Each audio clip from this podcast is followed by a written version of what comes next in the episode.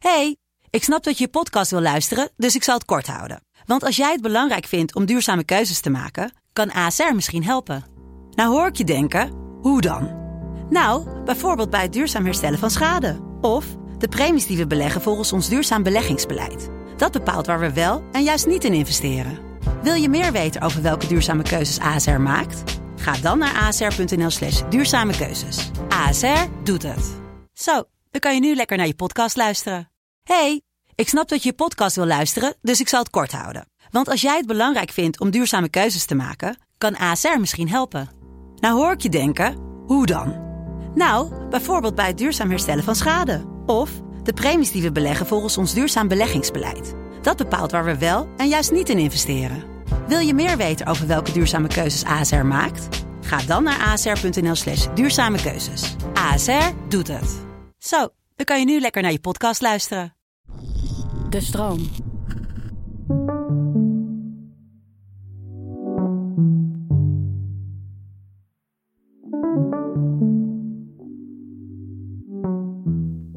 Het is onvermijdelijk. Het leven. Het leven is maar tijdelijk.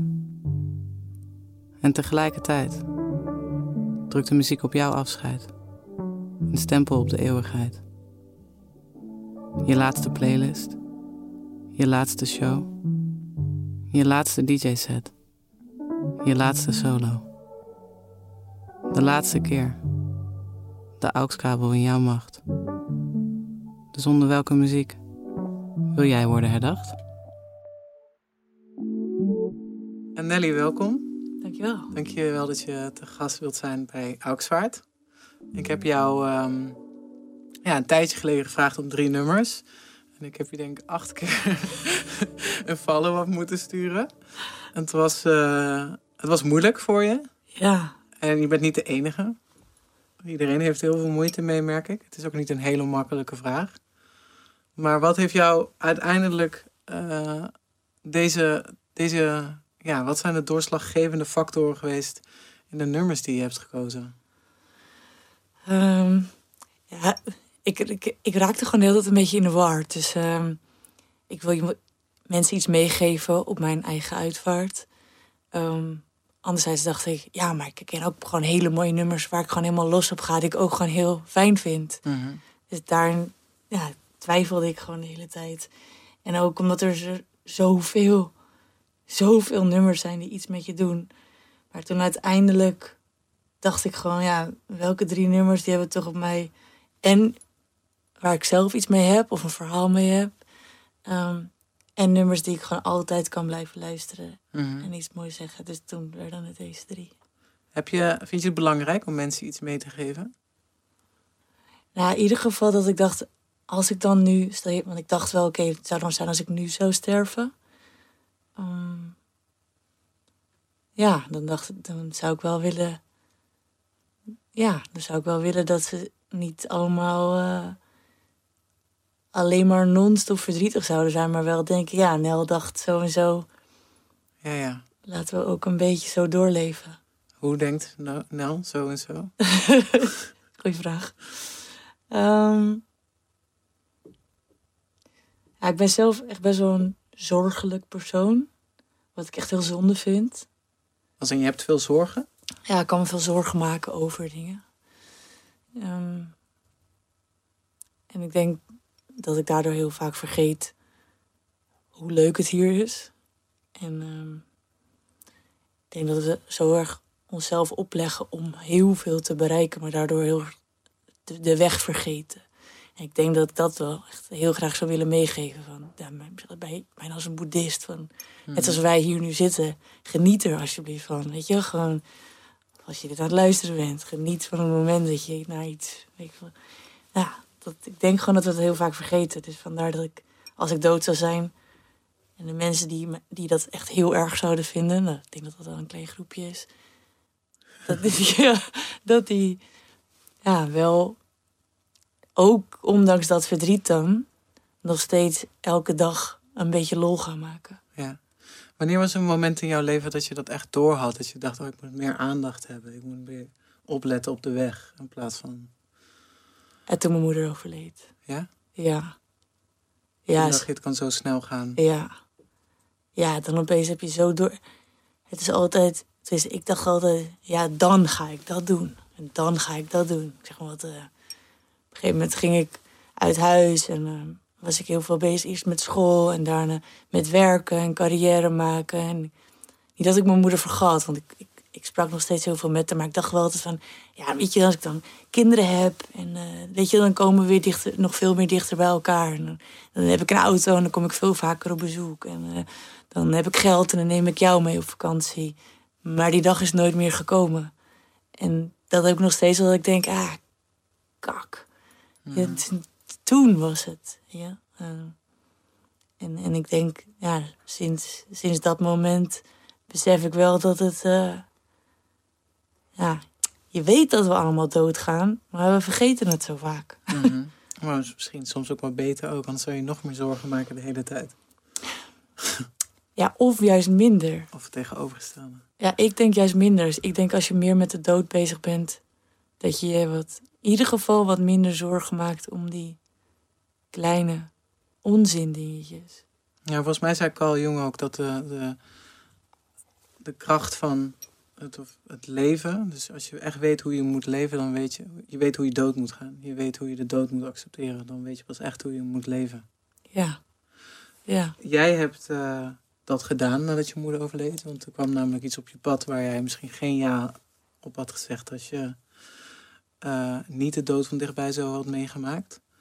Namelijk drugslab. Mhm. Dus je hebt ja gezegd tegen iets. En ik heb al, al, al jouw trips bekeken. en, eh, want dat vind ik blijkbaar leuk om, te doen. Nee, ik heb, ze, gekeken. En ten eerste echt... Ik, zag het in de comments ook staan, maar ik weet niet of het wel eens echt tegen jou gezegd is. Wij in Nederland vinden dat zo normaal om zo open en eerlijk over alles te zijn. Nou helemaal over drugsgebruik. Maar de psychedelica die jij hebt gebruikt... eh, en de eerlijkheid en de openheid die jij hebt uit voor een camera voor mensen. De wereld eigenlijk, want er waren heel veel internationale kijkers. Dat is iets heel bijzonders. Dat, is, dat, vergt iemand, dat vergt een persoon die ook heel eerlijk en open durft te zijn. Hm. En je hebt namelijk, het was voor mij een feestje om naar te kijken, want het onderzoek of de research voor dit, voor dit interview was een stuk makkelijker omdat jij zo eerlijk en open over alles sprak. En ook misschien op momenten dat je dat niet had gewild. Maar ja, de drugs liet je niks anders doen dan dat. Zo heb je bijvoorbeeld in een eh, San Pedro-trip... ehm, heb je voor een vuur, gestaan. Of voor, ja, voor een kampvuur. En heb je gezegd, ik wil me zo graag overgeven aan het leven. Weet je nog wat je daarmee bedoelde? Grappig. Ten eerste echt le- leuk om te horen dit. ik vind het zo grappig als mensen zeggen, ja, dat je zo echt bent of zo. Dat ik dan altijd denk, Kan je niet echt zijn? Ja, want je had het nog over authenticiteit natuurlijk. ja, Dat het ook in die trip. ja, Uh, maar dat was dus wel iets waar jij zelf dus ook mee bezig was. Want je weet, en het heeft denk ik niet eens met je vak te maken. Het heeft niet eens te maken met dat je als presentatrice of als actrice sowieso natuurlijk een rol aan moet nemen. Maar veel meer met de wereld waarin we leven. ja. Ik, eh, oh ja, en die is echt trouwens wel echt een trip daar hoor. Want eh, dat was echt heel heftig. Eigenlijk op dat moment was namelijk de, de begeleiding te, te warrig. Allemaal, we waren allemaal, we hadden het al best wel lang alles gedaan.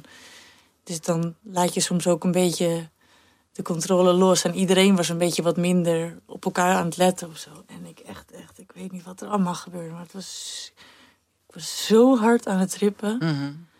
Ehm, Want dat is een vorm van ayahuasca, toch? ja, ze zeggen eigenlijk ehm, dat dit, dat ayahuasca dat het de moeder is, moeder aarde. En, eh, en dat San Pedro is meer de vader. Mhm. En, ehm, en daar moet je eigenlijk, bij ayahuasca zeggen ze dat je meer het, eh, het hert bent.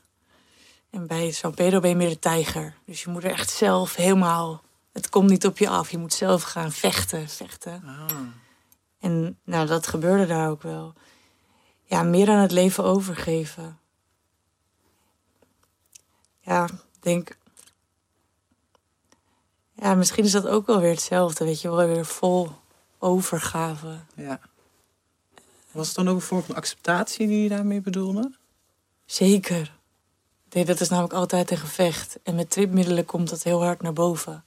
Want Ja. je kan niet anders zijn. Dan het accepteren. Ja, Ja, dat is wel het mooie natuurlijk aan tripmiddelen. Dat het je... eh, het heeft mij in ieder geval heel anders naar mijn leven laten kijken. ja hè? Eh, iets wat ik misschien met hele intensieve eh, therapie had kunnen oplossen. Kan je ook, als je het goed doet, Ja. met tripmiddelen oplossen. Maar het lijkt me wel lastig hoe jij het hebt gedaan. Ook wel... Je moet ook een product afleveren. Voelde Ja. dat ook zo als je aan het trippen was?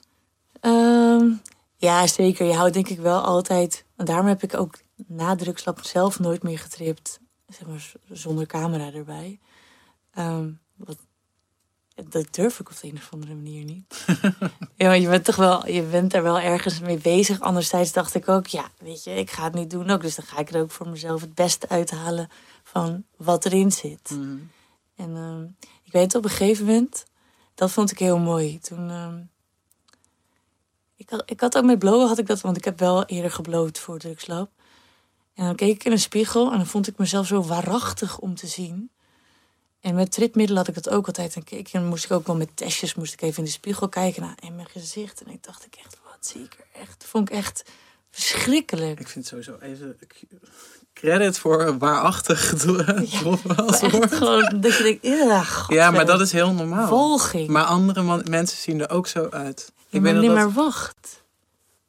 En toen op een gegeven moment met die, met die San Pedro had je dan een toiletje, had je achter. En toen ben ik daar naartoe gegaan en daar had je open spiegel. En toen ging ik in de spiegel kijken en toen dacht ik, waarom zie ik mezelf nou zo lelijk? En terwijl ik zeg maar gewoon, zei ik gewoon al trippend, zei ik, wees nou eens lief voor jezelf. En toen langzaam veranderde Niet. dus mijn hoofd gewoon in gewoon een zacht gezicht. Toen dacht ik ook, dit, zit, dit is onze point of view van jezelf. Hoe je naar jezelf kijkt. Gewoon, dat vond Wat ik dus echt fantastisch. En heb je sindsdien ook jezelf alleen maar mooi gezien? Of val je nog wel eens terug in de waarachtigheid? Zeker, maar wel echt minder. Grappig. Want ik heb het ook als andere mensen trippen. Dan zie ik datzelfde gezicht als ik zie... Als ik zag als ik in de spiegel keek als ik tripte. Oh ja, je, je krijgt een soort van kikker, noem ik het altijd. Mensen lijken allemaal op een kikker. echt een raar hoofd. Ja.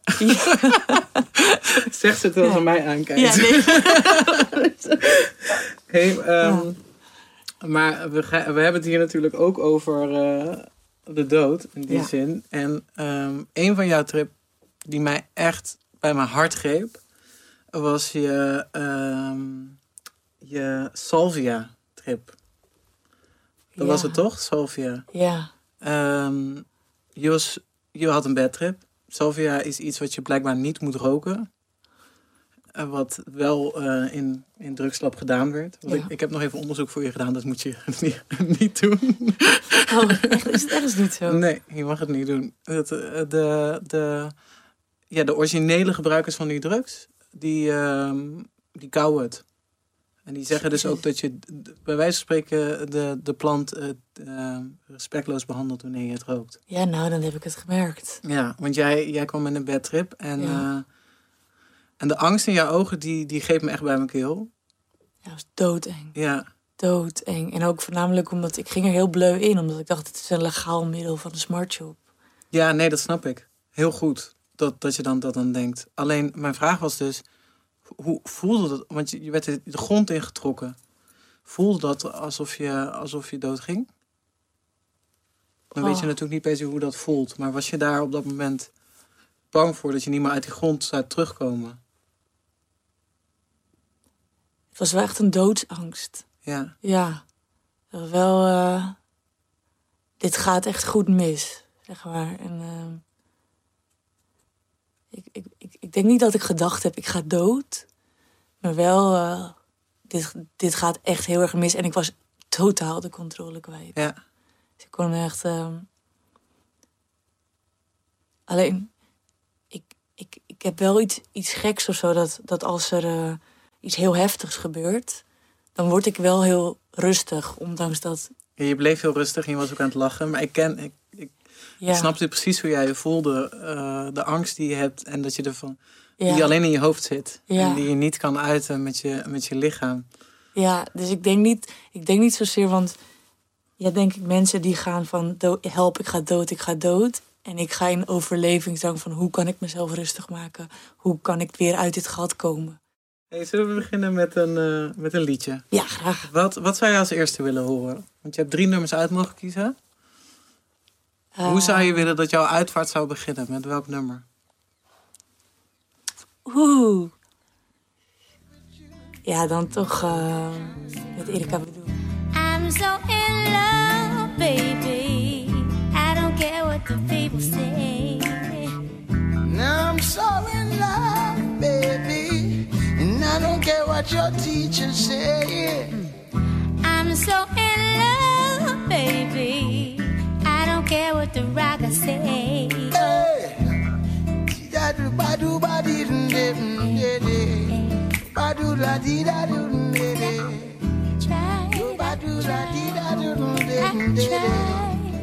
Nelly, ik wil eerst even beginnen met... Ik heb dit nummer dus echt grijs gedraaid als meisje, als tienermeisje. No. En wij zijn ongeveer even oud. Ja. Dus ik denk dat jij dat ook hebt gedaan Ja. in die tijd, toch? Ja. Ja.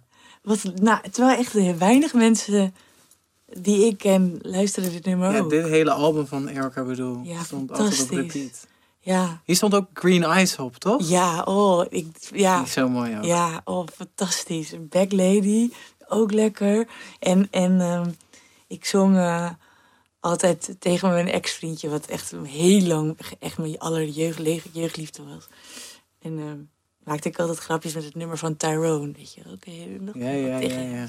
Dat die, dat, You know never buy me nothing. ik denk dat elke vrouw die dit nummer ooit gehoord heeft, wel eens een keer een aan haar vriendje dat heeft gedaan. maar eh, ik denk ook dat Erika hem daarom had gemaakt. Als een soort van oh ja, lekker. Ja. Maar wat is jouw verhaal achter dit nummer? Behalve dan dat je dus een lievelingsnummer van je is geweest toen je tiener was. Ehm, nou ja, om even terug te komen. ehm, dit, dit heb ik echt grijs gedraaid met mijn allereerste vriendje. Ehm, daar kreeg ik mee verkering toen ik 13 was. Uiteindelijk tot mijn 25ste een relatie mee gehad. Wow. Dat is echt super lang. En we zijn nog steeds ook echt, echt hele goede vrienden. En altijd als ik dit nummer, want ik luister het nog steeds eens in de zoveel tijd, dan ehm, ga ik gewoon weer helemaal terug. En ook zelfs, en elke keer neem ik dan mijn nieuwe geliefde mee of zo. En al die, ge- ja, ik heb eigenlijk dus maar drie vriendjes gehad. En nu mijn huidige vriendje is nummer drie. en ehm, het, het belang van liefde in mijn leven is zo groot. Ik ben zo dol op mannen. Echt. En, en, en de, elke keer dit nummer, dan raak ik in een soort... ehm, weet niet, het, het eh, vlinders in mijn buik.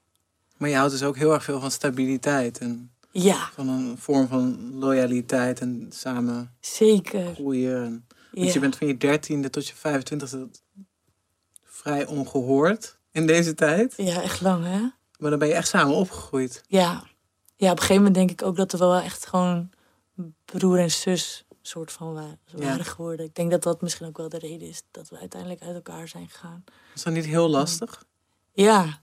Dat- Ik vind ook namelijk als ik nog steeds als ik dit nummer hoor, dan moet ik wel denken. Ik denk dat deze tijd staat, dit nummer staat voor een soort van dat alles nog helemaal goed was. Mhm. Zo onbezonnen en eh, verliefd en nog geen zorgen over toekomst. Maar je recycelt het nummer dus ook wanneer je weer verliefd bent op een nieuwe persoon. Ook als ik gewoon ja, eigenlijk wel. Ja, maar zo Ja. claim je nummers voor jezelf en hou je het niet alleen maar aan een partner, toch? Ja. ja, maar ook omdat dan draai ik het weer en dan moet ik dus ook aan mijn ex denken. Maar dan denk ik ook van, ja, ik hou nog steeds echt heel veel van hem. Maar met mijn huidige vriendje wil ik gewoon kinderen en trouwen. Ja. Dus ja, het staat voor mij echt, ik weet niet, het staat gewoon voor de liefde en hoeveel je liefde je voor iemand kan voelen. ja. En dat ik daar echt gewoon stapel gek op ben. Ik kan het Ja. gewoon niet anders. Is dat, zou jij jezelf een leven kunnen voorstellen waar je niet een, een levenspartner hebt? Nee. Nee, ik word wel. ehm, wat ik wel moeilijk vind, is. ehm, waar ik net ben achtergekomen. Is dat ik wel verlatingsangst heb. Hoe ben je daarachter gekomen?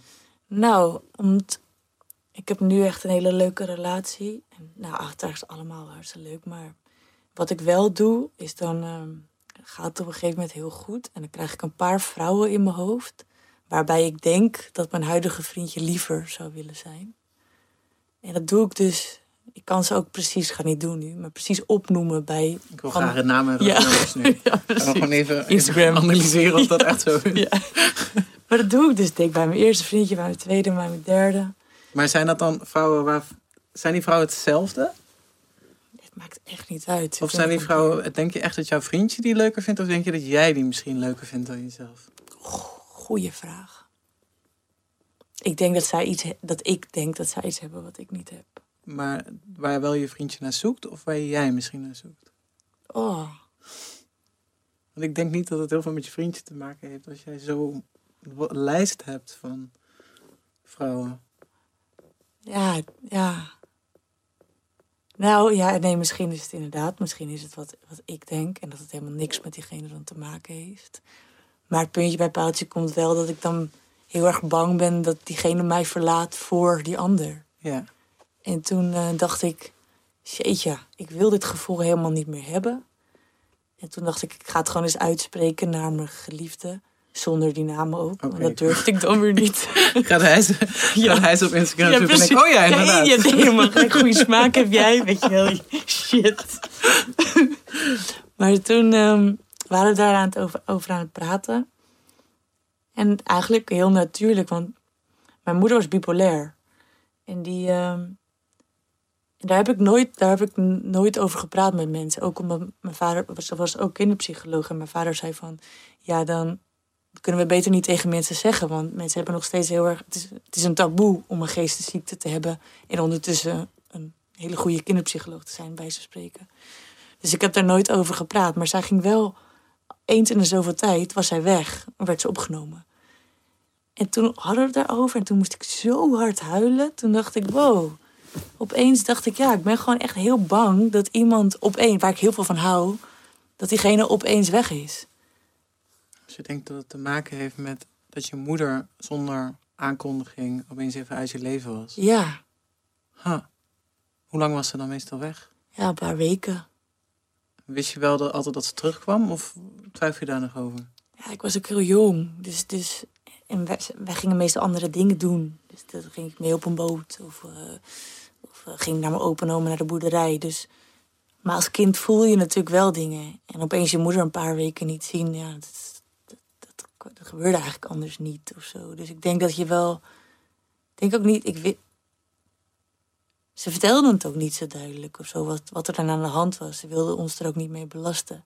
Maar nu achteraf denk ik wel van ja, die twee linken. En dat heeft echt, voor mij is dat echt een hele openbaring. Dat ik denk, oh ja, het komt daar vandaan. Het is niet. eh, ehm, het, het is niet per se dat die andere vrouwen dan zoveel leuker zijn of zo. Weet je wel? Het is, ik, ik, zoek, ik ben gewoon bang dat iemand waarvan ik hou weggaat en nooit meer terugkomt. Nou ja, dus Ja. dat vond ik, ja. Dat, Maar dat, dat, dat hoeft natuurlijk niet voor een vervanging van een, van een... Iemand hoeft niet weg te gaan als, en dan een vervanging meteen te hebben. Dus het heeft, ook te- het heeft ook wel te maken met een, bepaalde eigenschappen die vrouwen hebben... waar jij dan... ja, Het is wel interessant om te onderzoeken wat die dan zijn. Of je die wel echt mist of als je denkt dat je die ja. mist. Want dat kan ik me bijna niet voorstellen. Ja, de zoektocht inderdaad is nog niet klaar. Maar ik vind het wel mooi om een beetje zo bij jezelf te ontdekken van hè, waar komt gedrag nou vandaan? In plaats van jezelf alleen maar gek maken met help, zometeen gaat mijn grote Nee, liefde 100 procent. Daar, daar ben je ook creatief therapeut voor, toch? Ja. Ja. dat hoop ik. Hey, maar ehm, van je moeder, dat is wel... ehm, merkte je dat zij dan ook veranderde net voordat ze wegging? Of was het voor jou uit het niets? Ik was, net, ik was net te jong. Ik heb er ook. Want later in de leven had ze daar niet meer last van? Nee, want toen op een gegeven moment ging, ging ze lithium slikken en toen bleef ze gewoon heel stabiel. En elke keer, ja, ze wilde liever ook niet aan die medicijnen, want als je manisch depressief bent, heb je over manie en dan voel je je fantastisch en je kan de hele wereld aan en het is echt allemaal echt geweldig. En bij de depressie, ja, ben je natuurlijk gewoon zo somber als wat. Maar ja, als ze aan de medicijnen ging, werd ze heel stabiel. Maar had ze dus ook niet meer die fantastische dagen waarin gewoon niks te gek was. En wat haar ook geweldig als vrouw maakte. Ehm, Ja, kan je dat herinneren dat ze dat was voordat ze aan de medicijnen zat? ja, ik denk dat ik de manie maakte. Ik denk wel mee, maar dat vond ik als kind geweldig. Ja, tuurlijk. Want dan Dat was het één groot feest. En ja, en als die depressie erin sloop, dan, ging ze, dan, dan kwam zij vaak in het ziekenhuis terecht.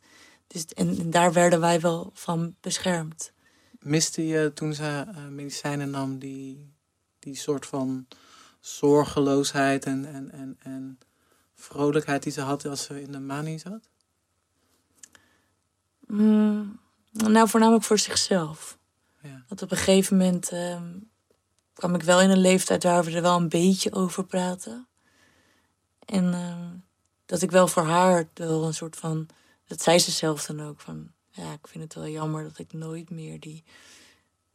dat extreme blije gevoel ervaar. Dus dat vond ik voor haar meer zonde. Maar uiteindelijk moet ik zeggen dat. Toen op een gegeven moment die medicatie gewoon stabiel was en ze zich daarin kon vinden, kon ze ook wel iets meer bochtje. Weet je, dan ging het gewoon. Ja, was haar overal was gewoon vrij gelukkig. Dus ik denk dat, dat die medicijnen voor haar heel goed zijn geweest. Ja, en, en waarschijnlijk ook fijner voor jou als kind om een soort balans, een stabiele Zeker. balans te hebben. ja. Zeker, ja. Want mijn vader die was eigenlijk altijd aan het damage controllen, zodat wij er geen last van hadden of zo. Ja. Maar dat besef je pas, denk ik, later als je ouder bent. Is het erfelijk? Eh, ja, maar ehm vooralsnog hebben mijn broer en ik allebei geen last van. Maar je bent ook nu 34, toch? Ja, Ja, volgens mij is dat ook iets wat je al vrij vroeg ontdekt, toch? ja. Kunnen afkloppen. Ja, mijn moeder zei wel altijd, ja, je moet wel een beetje uitkijken met blowen en met drugs. En, eh, Had, Vet drugslab had- doen. Heeft zij dat gebruikt vroeger? nee, nee, Drugslab doen. ja. Ja, toen was je ook al oud. ja. Toen was je al oud. Je bent een oude, oude zak. Maar dat, dat Ja. lijkt mij wel eh, lastig. Dat je, omdat je weet dat het erfelijk is. En dat je dan toch wel... Zou ga je dan niet aan jezelf twijfelen? Ik ga al aan mezelf twijfelen als ik PMS heb. dan ga Oh, ik ja. denken, ben ik dit? Of zijn dit hormonen? Dus het lijkt me dan nog lastiger als je dan ook nog een, een eh, onzeker eh, gevoel hebt van Ja. geestesziekte in je, in je familie. Ja, ja, ik heb wel eens gehad met sombere periodes of zo, dat ik dacht van, oh, ga ik nu niet naar een depressie toe? En ik ben volgens mij van mezelf echt altijd vet blij. En dat ik soms ook wel denk, oh, sla ik niet een beetje door en dat blij zijn. Maar nee, nee, ik heb, ehm, ik heb wat dat betreft denk ik zo'n wel dus door hun wel echt een hele fijne, stabiele jeugd gehad. Op de een of andere manier. Ja, behalve dus dat mijn moeder eens in de zoveel tijd weg was. Maar de liefde en alles zat er. Waardoor mijn basis wel... Ik heb een goed fundament. Ja. En dat, dat voel ik wel. Je. Het fijne lijkt me aan ehm, de, de manische kant van eh manisch depressief is dat je ook merkt dat je moeder waarschijnlijk heel erg van je geniet. En ik heb ergens een keer gelezen dat eh, dat, dat een belangrijke vraag is die je jezelf moet stellen over je ouders houden van je uiteraard. Want dat, dat horen ze ook te doen, want ze hebben je op de wereld gezet. En, en die verantwoordelijkheid hebben ze. En dat is ook biologisch gezien vrij logisch dat ze van je houden. Maar genieten ze van je? Genieten ze van jouw aanwezigheid? Genieten ze van jou als persoon? Oh, wat leuk zeg. En ik kan me voorstellen dat jouw moeder dus in... Als jij alleen maar die fijne kant van je moeder mee mogen maken... dat je ook wel het gevoel had dat je van je genoot. Ja, onwijs. Dat was echt leuk, inderdaad. Leuk. ehm, ik vind het ook überhaupt leuk wat je zegt over genieten van iemand. Als iemand van jou geniet, is denk ik nog veel lekkerder gevoel dan dat iemand van je houdt. Laten we het gaan hebben over eh, je moeders over, overlijden. Want dat is eh, denk ik waar Frank Boeien en Ramse Shaffi over gaan, of niet? Ja, Frank Boeien en Ramse Shaffi zeggen me dat het niet zo is. Zeg me dat het niet zo is. Zeg me dat het niet zo is. Zeg me dat het niet waar is. Ga je mee vanavond naar ons lievelingsrestaurant? Een tafel voor twee Ik heb gebeld, ze weten ervan. En we drinken totdat de zon opkomt. En we vergeten de oneerlijkheid van het lood. Het is natuurlijk, denk ik, niemand in Nederland zo goed geweest als Ramses. Oh, Ja. ja, echt. Die man die, die, die raakt me gewoon altijd in mijn hart. ja, mij ook. Ja, We dezelfde muzieksmaak hebben wij. ja, ja, dat merk ik ook. Ja. Grappig, terwijl het echt oh, ja, het hele andere, allerlei verschillende ja. genres. Hoe, eh, ik neem aan dat dit, dit het nummer is wat je, ja, wat je rondom je moeders dood hebt of geluisterd, of misschien daarna een connectie mee hebt gevoeld. Want het is geschreven door Frank nadat er, eh, hij erachter kwam dat iemand heel dichtbij hem zou te komen overlijden. Ik had het nummer, had ik echt al in de tijd dat ik heel veel Ramses luisterde, had ik hem al een aantal keer gehoord. Maar toen had ik helemaal nog nooit, was ik helemaal nog nooit met de dood überhaupt bezig geweest. Maar vond ik het wel altijd, altijd zo mooi. Dat precies zeggen me dat het niet zo is. En toen, toen inderdaad, toen mijn moeder ziek werd, toen popte de hele tijd dat nummer in mijn hoofd. Ook die zin. Ja, echt die zin. Gewoon, ja, zeg maar dat het niet zo is. Dat is eigenlijk het enige wat je wil horen. Wil gewoon dat het niet waar is. Nou, de, hè. Maar eh, ehm, in jouw documentaire Ik rouw van jou, waar je eh, over het rouwproces van jonge mensen die een van hun ouders kwijtraken praat. Toch? Zo kan ik het een beetje ja, samenvatten. ja, Eh, praat je onder andere ook met je vader.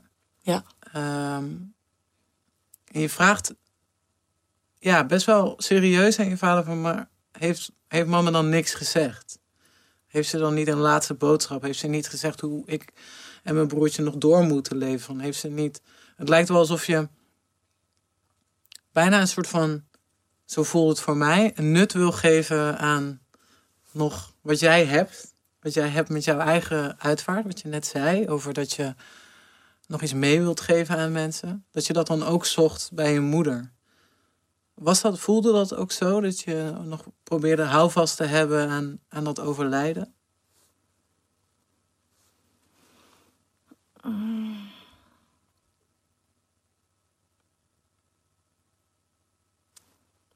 Nee, weet ik niet eigenlijk.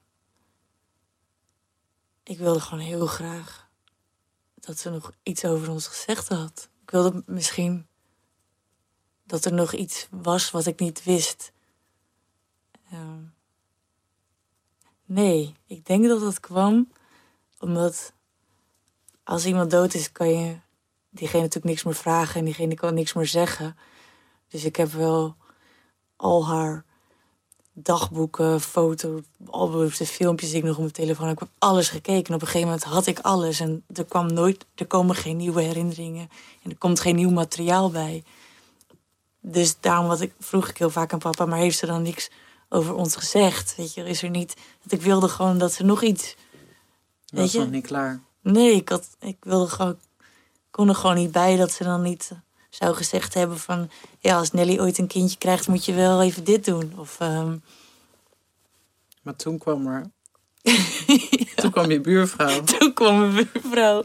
Die, eh, ja, het was echt een fantastische scène was dat. Een extreem nuchtere... Jullie moeten allemaal een documentaire kijken, staat op NPO gemist. Maar Ja. een extreem nuchtere Hollandse buurvrouw.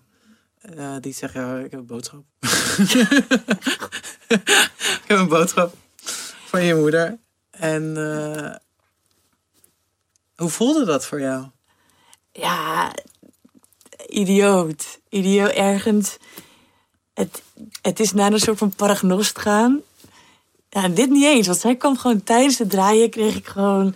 Dus ik kwam Een- wel goede timing. Precies, Productie-wise kwam ze het was echt goede perfect. timing. Gewoon even als maker zijn dat je denkt, nou top, dit, Ja. dit is helemaal fantastisch. En nou ja, ja, ja, ik vond het heerlijk. Ik vond het echt, ik vond het echt Maar, ook- maar als Nelly zijn. ja, Want je, je hebt gekregen waar je zo naar vroeg. ja. Je Ik- moeder. ja. eh, laten we gewoon nu even zeggen dat dit allemaal is zoals het is. En daar niet een judge, judgment over maken. Maar je moeder is naar, naar je buurvrouw toegekomen, die daar dus blijkbaar voor open staat. En heeft gezegd, ik heb nog wel wat te vertellen. Het is prima hier en ik hou van je. Ja. Dat is toch toch top? Ja, ik- ja. Nee, en inderdaad precies wat jij zegt. Zonder gewoon te denken van... Ja hoor, misschien heeft het zelf verzonnen.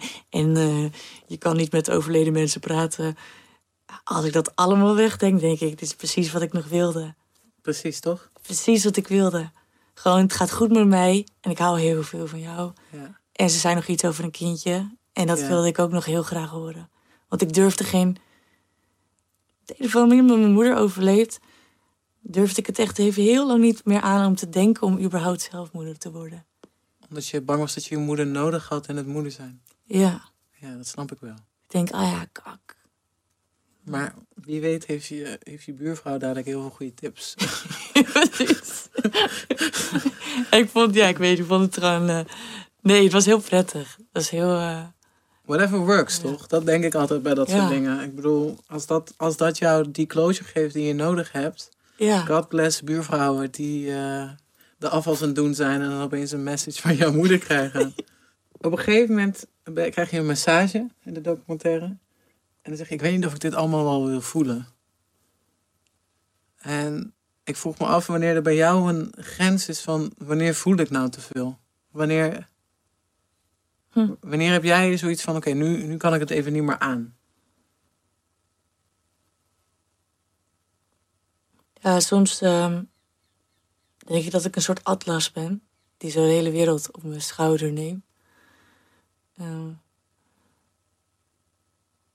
en dan, eh, dan wil ik voor iedereen denken. Dus, maar ik denk dat ik dat niet meer wil. Je bedoelt dat je verantwoordelijkheid voelt bijvoorbeeld voor je vader en voor je broertje. En... Ja, ja. en- voor je geliefde en voor je vriendinnen. En, en ehm, ik denk, dat wil ik gewoon niet, niet, niet altijd voelen. Ik heb, ik, ik heb ook gewoon heel sterk, ik weet niet of je dat ook herkent. Als je dan een ruimte binnenkomt, dat je gelijk zo iedereen's energie voelt. Dat je denkt, oh ja, die zit even niet zo lekker in zijn vel. Die vet. Maar eerst betrok ik dat ook altijd heel erg op mezelf. Dat jij dacht dat jij niet lekker in je vel zat. Ja, of dat ik dacht dat het door mij kwam bijvoorbeeld. Of dat iemand bepaald gedrag vertoonde. Omdat, je, dan- dus dat zijn twee dingen. Ik wil niet meer voor alleen maar verantwoordelijk voelen voor andermans geluk. En ik wil niet ehm, altijd alles van iedereen voelen. Soms, ja, soms heeft... Ik, ik, zeg maar met mijn vriendje nu, als hij niet lekker in zijn vel zit... Vroeger dacht ik altijd dat dat dan door mij kwam. Nu denk ik, dus het komt niet door mij, want jij bent ook gewoon je eigen mensje met je eigen gevoelens. Dat, en, en dat is ook wel prettig, want dan kan ik me gewoon prettig blijven voelen. En daar heeft hij veel meer aan dan dat ik ga denken: hé, hey, komt dat door mij? eh, eh, vechten. En voelde dat... Is dat misschien ook een reden waarom je dan actrice en presentatrice bent geworden? Omdat het dan... Dat je dan een beetje verantwoordelijk, he- verantwoordelijk bent voor wat er gebeurt. Dat je weet wat er gebeurt en wat de volgende stappen zijn daarin. Oh, geinig. Nee, ik hou gewoon heel erg van spelen. Ja. Ik vind het echt, vind het echt heel erg leuk om eh, te spelen. En, ehm, of, en het leuke is dat met, of met acteren of met presenteren, je doet altijd leuke dingen. Je bent eigenlijk altijd alleen maar aan, aan het spelen. Maar ik ben hier gewoon een podcast op en nemen over de dood. Dat is helemaal niet zo leuk. ik heb echt Jij een memo gemist. Nee, maar, nee, maar zelfs, zelfs bijvoorbeeld de podcast over de dood of de documentaire over rouwen. Dat, dat vind ik ook wel een soort spelen. Nou, het zag er prachtig uit. Ik vond ook een, dat je een hele fijne groep mensen had gekozen. En het was heel mooi om naar te Ja, kijken. Dank Je hebt een je. hele mooie documentaire gemaakt. Dank je wel. Ja, Het laatste liedje, ja Is- leuk. het is een Zweedse artiest, dus ik hoop dat ik het goed uitgespreken. Halkan Hellstrom, featuring Laura Rivers. En het nummer heet That's Alright. Ja. My, my, mother, how you walking long? Your feet may slip and your soul may low. Since my soul got seated up in a kingdom, that's alright. That's alright. That's alright. That's alright. Since my soul got in the kingdom. Ik hou altijd van dit soort eh, producties. Wanneer eh, een crate digger, zo heet dat dan in de, producerwereld, gaat zoeken door platen en een bepaalde eh, ja, vocalen vindt of een instrument. Die ze dan samplen in een nieuwe productie. Zo heeft dan Halkan dat ook gedaan met Laura Rivers. Een, een gospelzangeres die eigenlijk alleen bekend is van...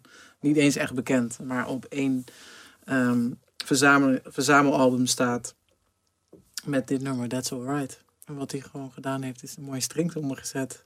En het nieuw leven ingeblazen. En opeens weet ik van deze gospelzangeres, waar ik anders misschien niet zo snel van gehoord had. Vet, hè? Dat is prachtig. Ja, ik vind dit ook echt, echt fantastisch. Heb jij, eh, hoe heb jij dit nummer gevonden? Want op zich is het niet een. Het is, ik kende hem niet. Het is een Zweedse producer. Hoe, hoe kom je bij Eh, dit nummer? Ja, we hadden op een gegeven moment... eh, ik had eerst de documentaire... Had ik eh, Heb je haar weer met de dode moeder genoemd. Omdat ik een beetje gek... Ik, ik dacht, ja, mensen worden echt gek. Van, ja, heb je haar weer met de dode moeder? Is dat iets wat je jezelf hebt aangepraat of heb je dat ooit gehoord? Dat iemand dat tegen Nee, dat heb ik natuurlijk mezelf weer aangepraat. Nee, nee, nee. Laat, laat dat, nee. Nee, mensen zijn veel minder hard volgens mij over het algemeen. Ik denk dat we altijd veel harder voor onszelf zijn dan dat andere mensen zijn. 100%. Ja, hè? Maar ehm dus we hadden een heb je haar weer met de Doe- moeder Spotify-lijst.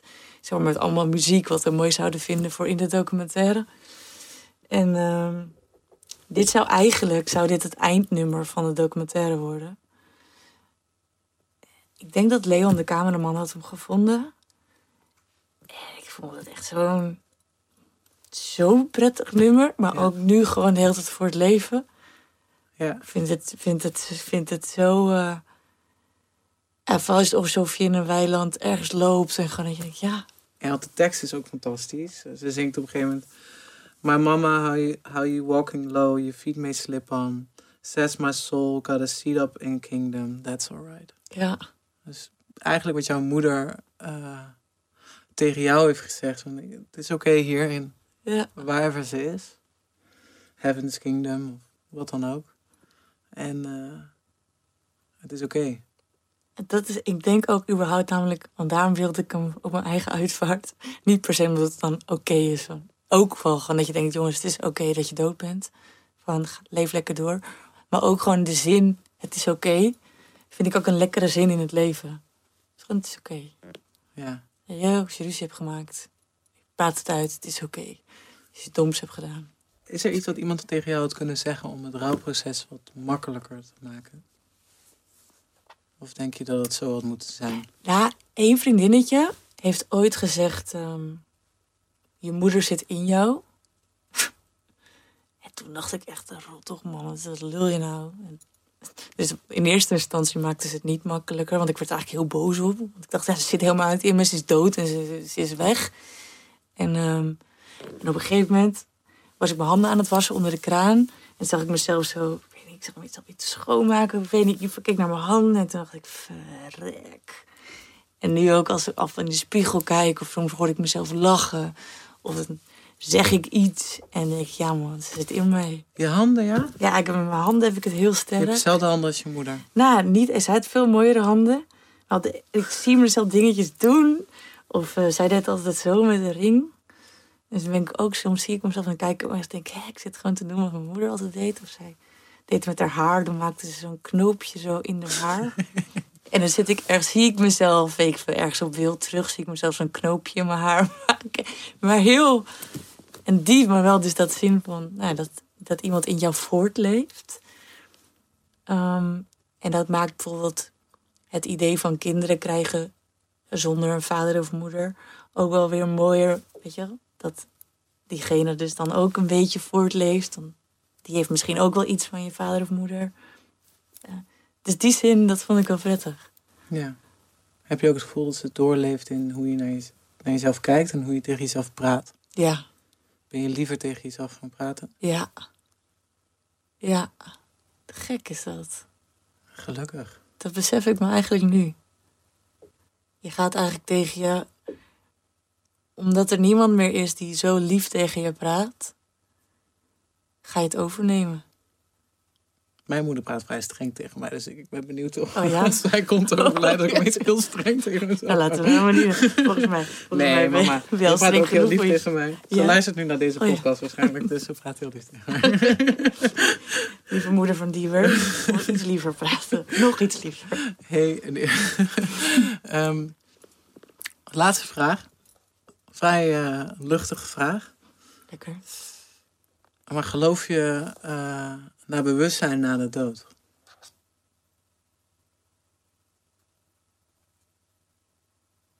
Wil je of er leven na de dood is? Ik wil het niet per se het leven noemen, want hoe wij leven kennen op deze manier, denk ik, denk ik niet per se dat er is. Maar hoe jouw moeder met jou gecommuniceerd heeft, Ja, ik denk niet dat het, dat het eindigt. Nee, heb je enige voorstelling? Kun je daar. Als je, als je oké, laten we zeggen, hoe zou je willen dat het is? Ja, dat fantaseer ik dus heel vaak. Want je fantaseer je ook vaak dat je weer herenigd bent met Ja. Ja, ik fantaseer heel vaak dat, dat dan als je doodgaat, dat, dat we dan weer met z'n allen, dat je iedereen weer ziet. Op weer op een mooie plek, waar het ook heel leuk is. Weet niet. Als ik in het vliegtuig zit, dan zie ik mezelf altijd soort van op de wolken met mijn moeder samen zo springen. Dat ook echt helemaal nergens op. Maar nee, ja. Nee, ik denk het wel. My, my, Spring het op de wolk. how you walking long, your feet may slip and your soul may low. Since my soul got seated up in a kingdom, that's alright, That's alright. That's alright. That's alright.